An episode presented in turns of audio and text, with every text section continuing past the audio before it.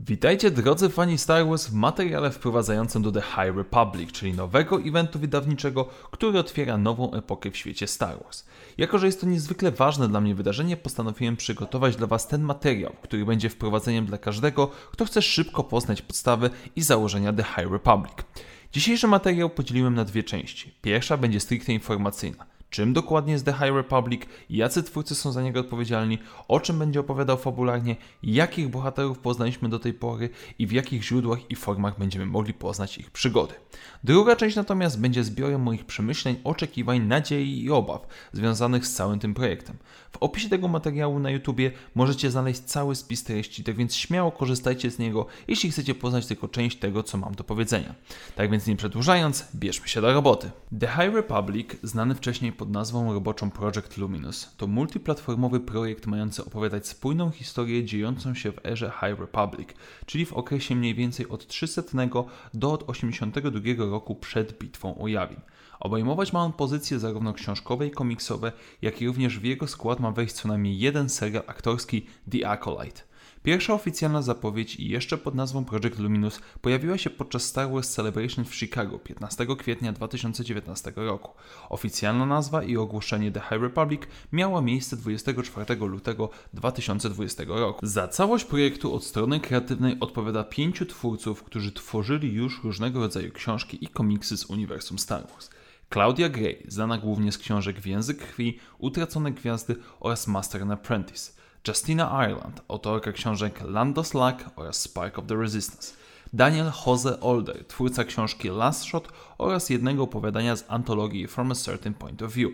Kevin Scott, scenarzysta niektórych komiksów serii Star Wars Adventures oraz Tales from Vader's Castle. Charles Soule, jeden z najbardziej znanych scenarzystów komiksowych Gwiezdnych Wojen od Marvela, odpowiedzialny m.in. za miniserię Lando, Obi-Wan and Anakin oraz serię Darth Vader Dark Lord of the Sith. Każdy z tej piątki pracuje nad swoimi pozycjami, jednak wiemy, iż są oni ze sobą w stałym kontakcie i konsultują się w sprawie wszelkich decyzji kreatywnych, aby zachować jak największą spójność między poszczególnymi pozycjami. Jeśli jesteście zainteresowani, niektóre z wymienionych przed chwilą pozycji recenzowałem na swoim kanale. Fabularnie projekt ma skupiać się na erze High Republic, która według twórców ma być szczytem rozwoju i aktywności Republiki i zakonu Jedi. Jednocześnie trwa wzmożona ekspansja i badanie terenów zewnętrznych rubieży, w którym aktywny udział biorą rycerze Jedi jako przedstawiciele porządku i sprawiedliwości.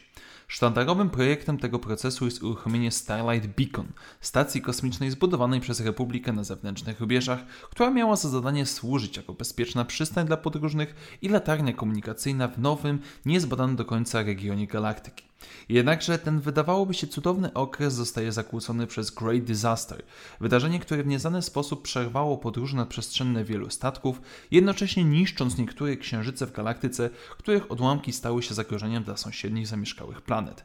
Jednocześnie na granicach znanej galaktyki pojawia się nowe zagrożenie. Z jednej strony bezwzględni piraci, którzy za nic mają sobie Republikę i Jedi, z drugiej nowa rasa, którą interesuje jedynie rozwój swojego nowego imperium kosztem każdego, kto stanie im na drodze. Czas teraz na kluczowe pytanie. Kto więc będzie głównym bohaterem całego wydarzenia? Odpowiedź jest prosta: Jedi. Jako, że zakon Jedi przeżywa swój szczytowy okres, jego członkowie będą w większości głównymi bohaterami przynajmniej pierwszych pozycji w ramach The High Republic. Aby nie zadać Was zbyt dużą ilością informacji, skupi się na wybranych bohaterach i tych, którzy zwrócili moją uwagę.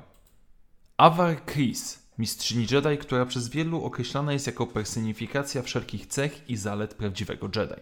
Służyła na Starlight Beacon, kiedy doszło do zdarzenia zwanego Great Disaster. Kiedy zaczęła docierać wiadomość o skutkach tego zdarzenia, wyruszyła na pomoc zagrożonemu systemowi Hetzel, który stał na granicy zniszczenia. Podczas swojej służby często współpracowała z dwójką Jedi, których znała od dzieciństwa. Stellanem Giosem oraz Elzarem Manem. Stellan Gios, mistrz Jedi posługujący się bardzo charakterystycznym mieczem świetnym. Bliski przyjaciel Avari Kris, były mistrz Wernestry Rwoch. Wielokrotnie podczas wspólnych misji z Awarą ich duet był znany jako niezatrzymana siła potęgi i mądrości Jedi. Często służył jako głos rozsądku wśród swoich towarzyszy. Joden Greatstorm, twilekański mistrz Jedi uznawany przez wielu za jednego z najlepszych nauczycieli w zakonie. Każdą sytuację i chwilę uznawał za moment, z którego można wyciągnąć naukę, szczególnie dla padałanów. był uznawany nie tylko za wyjątkowo mądrego Jedi, lecz również tego niepozbawionego humoru. Vernestra Rwoch, przedstawicielka Mirials, była padałanka mistrza Stellana Giosa. W wieku 15 lat została nadana jej ręka rycerza Jedi, co robi ją z jedną z najmłodszych osób w zakonie, która zdobyła ten tytuł. Jako świeżo upieczony rycerz stara się za wszelką cenę pokazać z jak najlepszej strony i udowodnić, iż w pełni zasłużyła na ten zaszczyt. Keith Trenis, młoda rycerz Jedi, która znana jest ze swojego gorącego charakteru. Tuż przed Great Disaster stacjonowała na pokładzie Starlight Beacon, gdzie czuła się przytłoczona obecnością bardziej znanych i szanowanych rycerzy Jedi, przez co nie potrafiła w pełni uwierzyć w swoje umiejętności. Sker, trandoszański mistrz Jedi, co już samo sobie wyróżnia go na tle innych członków zakonu Jedi. Szorstki i uparty skrywa sekret, który rozdziera go od środka.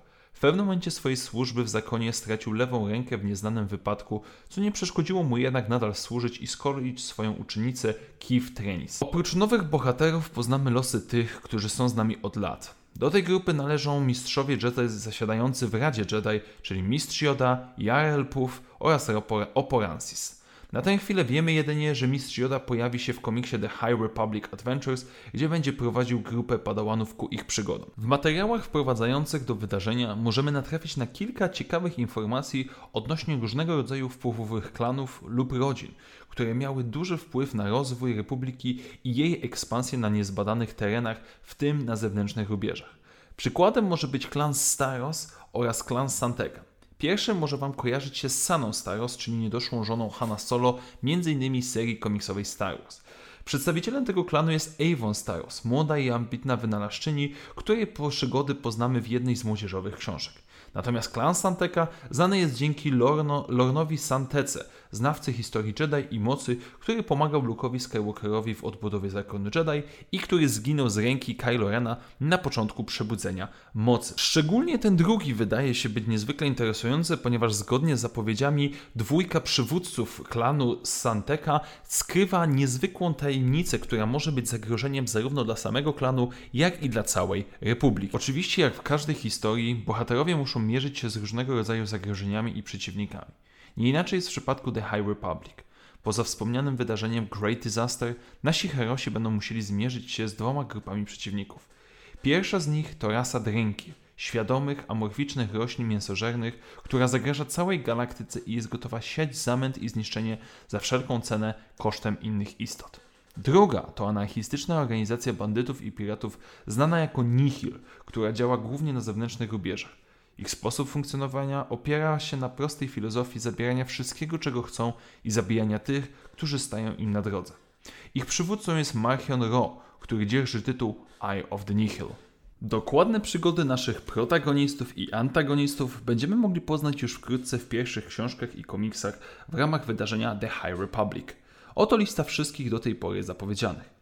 5 stycznia premierę ma książkę Light of the Jedi od Charlesa Soula, junior novel Test of Courage autorstwa Justin Ireland oraz Young Reader Book The Great Jedi Rescue od Kevina Scotta.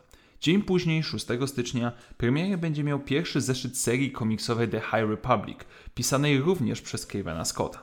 Następnie 2 lutego premierę będzie miała Young Adult Novel od Claudii Gray zatytułowana Into the Dark.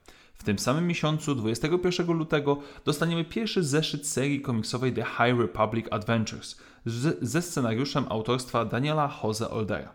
Ostatnią zapowiedzią jest książka Kevina Scotta The Rising Storm, która premierę ma zaplanowaną na 29 czerwca. Mam nadzieję, iż to krótkie podsumowanie tego, co do tej pory wiemy o The High Republic, pozwoliło Wam znaleźć odpowiedzi na Wasze pytania i choć trochę wyjaśniło, o co w tym wszystkim chodzi. Oczywiście wszelkie pozycje, które będą pojawiać się w ramach tego wydarzenia, będę jak najszybciej czytał i recenzował na swoim kanale. Tak więc serdecznie zapraszam do śledzenia informacji tutaj oraz również na moim fanpage'u na Facebooku.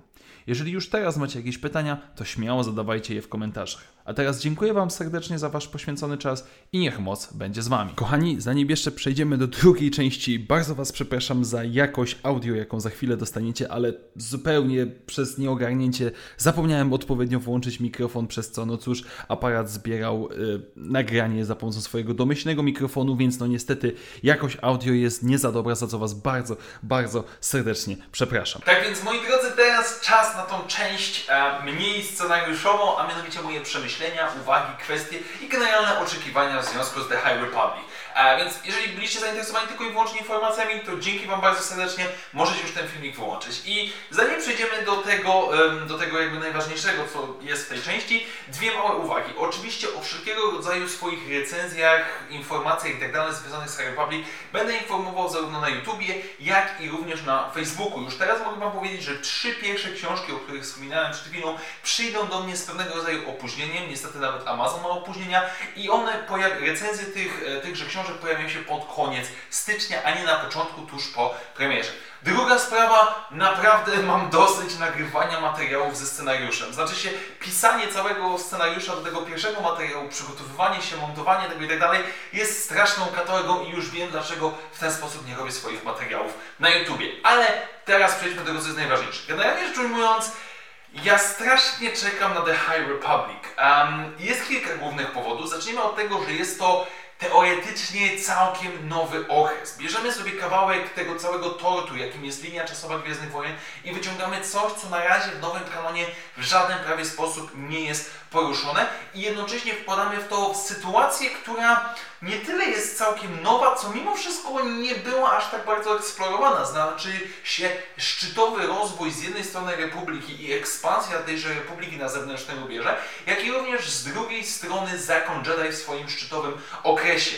E, pewnego rodzaju prequel, pewnego rodzaju prolog do tych wydarzeń, które widzimy w prequelach, w epizodach 1-3 i to jest niesamowicie dla mnie interesujące. Druga kwestia jest to, że niemal na 100% dostajemy zupełnie nowych bohaterów, a, którzy mają możliwość wyrośnięcia, pokazania się, zaprezentowania i dania nam jakiejś nowej historii, bo to jest coś, co mogliście już zauważyć, że nie za bardzo mi się podoba w niektórych aspektach obecnych Gwiezdnych Wojen, e, czyli wracanie do tych starych, znanych bohaterów, czy też do znanych historii, na przykład epizod 9, czy też częściowo The Mandalorian. I właśnie to, że mamy zupełnie nowych bohaterów, tworzonych przez autorów, um, którzy już w pewien sposób mniej lub bardziej sprawdzili się na polu gwiezdnowojennym, i którzy będą tworzyli jedną wspólną historię w całym uniwersum, gdzie ci bohaterowie między różnego rodzaju książkami komiksami będą się nawzajem uzupełniać i to nam będzie rosło, rosło, rosło.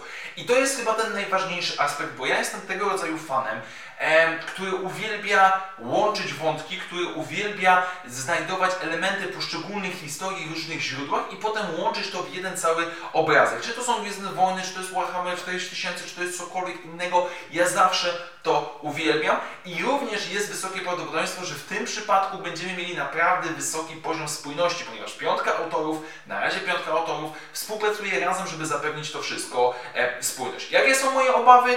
minimalny z jednej strony ze strony twórców, ponieważ o ile Claudia Gray czy Charles Soule no, mają u mnie gigantyczny kredyt zaufania, ten drugi nawet mimo ostatnich lekkich porażek na polu komiksowym, e, Kevin Scott, ok, nie mam jakby do niego żadnych zarzutów, Daniel Jose Older no, napisał The Last Shot, co niestety, no, znaczy niestety, ja za bardzo nie oceniam tej książki wysoko, ale no, jest tam jakiś potencjał. Justin Ireland to jest najsłabsze ogniwo całej tej układanki, ponieważ jej Spark of the Resistance było absolutnie dla mnie tragiczne, ale może teraz dziewczyna w jakiś sposób się odnowi, albo na przykład powiedzmy Lando Slack, którego nie czytałem, było rzeczywiście dobre. Więc sami twórcy mają u mnie kredyt zaufania, jakiś bardziej sposób, bardziej bardziej wolę do nich podejść i bardziej mam do nich większe zaufanie niż na przykład do duetów Favreau, Filoni, ze względu na to, że oni mają ten swój nowy okres czasu i też te książki, ich komiksy, które oni tworzyli, rzeczywiście mogły nas angażować w przeszłości.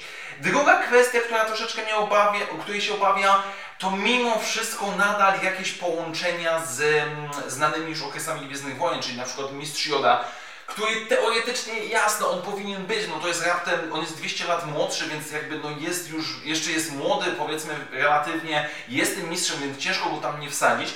I póki on będzie, tak jak ktoś mi napisał kiedyś w komentarzach, póki on będzie um, zajmował się tylko i wyłącznie tymi padałanami, nauką ich, Okej, okay, dobra, niech będzie. Zostawcie tych mistrzów Jedi, rycerzy Jedi na osobnej y, przestrzeni i niech oni się rozwijają. Yoda niech będzie zajmował się młodzikami, spoko. E, Oporansis i Jarl Pow to są postacie, które ok, z miłą chęcią poznam, bo ich jeszcze nie mieliśmy aż tyle w nowym kanonie.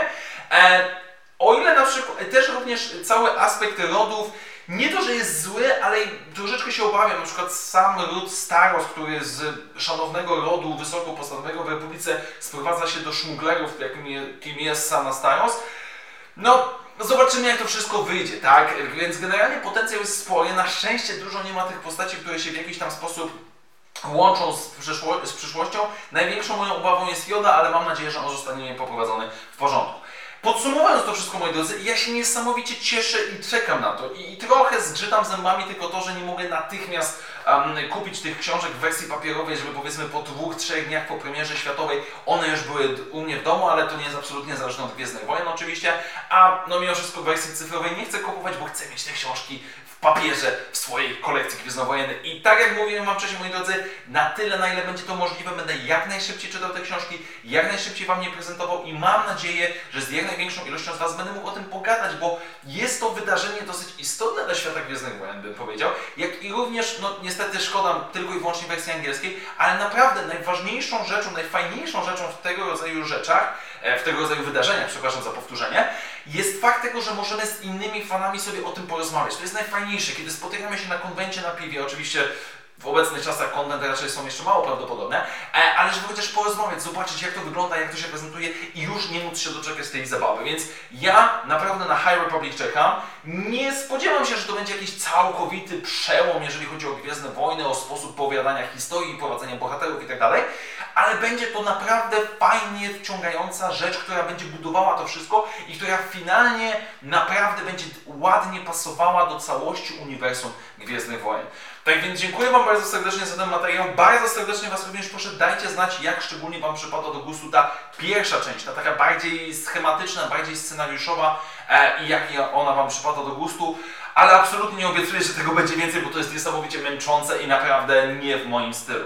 Tak więc dzięki jeszcze raz serdeczne Wam, moi drodzy, za dzisiejsze spotkanie. Do zobaczenia w następnych materiałach i jak zawsze, niech moc będzie z Wami. Na razie, cześć!